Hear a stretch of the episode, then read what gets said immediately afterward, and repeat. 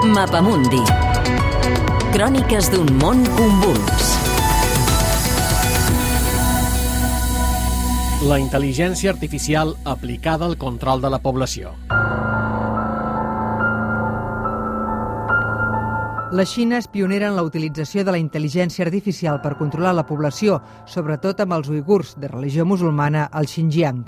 Les cases dels uigurs tenen un codi QR per saber qui entra i qui en surt. Les autoritats saben quanta electricitat es gasta o quantes vegades es fa benzina. Cada 100 metres hi ha un checkpoint connectat a programes de Big Data. A través d'un algoritme es fan detencions preventives i s'envia les persones a camps de reeducació política.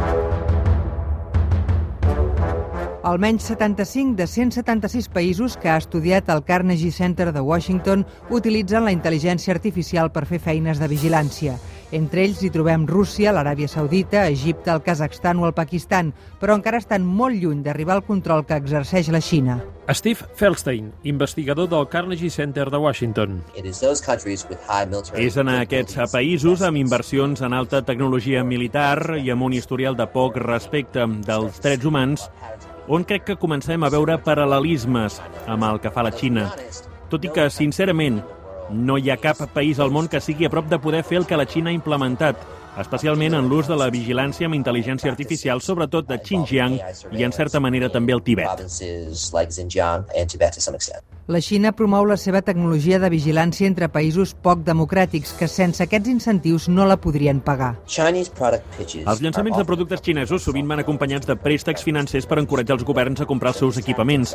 Aquestes tàctiques són especialment rellevants en països com Kènia, Laos, Mongòlia, Uganda i l'Uzbekistan, que d'una altra manera no tindrien accés a aquesta tecnologia.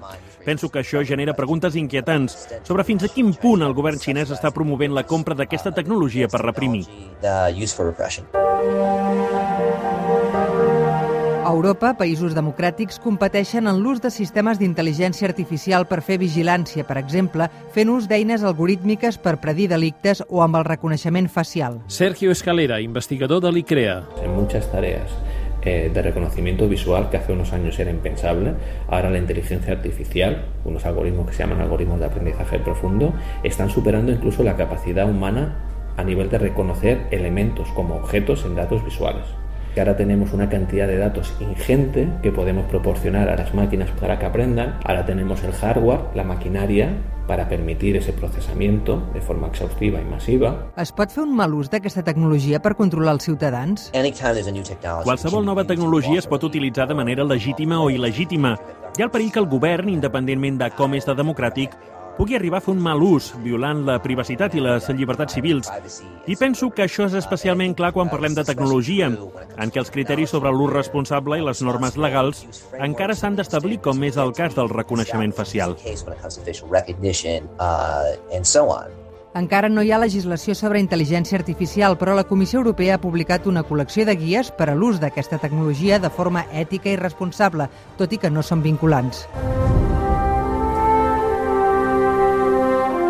L'estudi del Carnegie Center alerta també sobre com l'internet de les coses pot ser una nova eina de vigilància.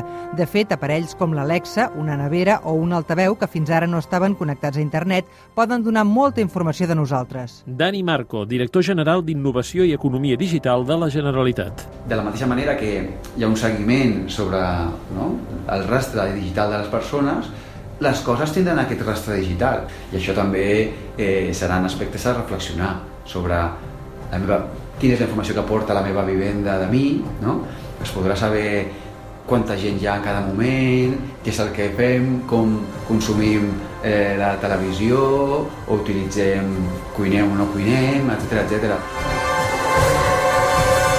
És un reportatge de Mireia Sala amb muntatge musical de Jordi Galbany, disponible al podcast del Mapamundi.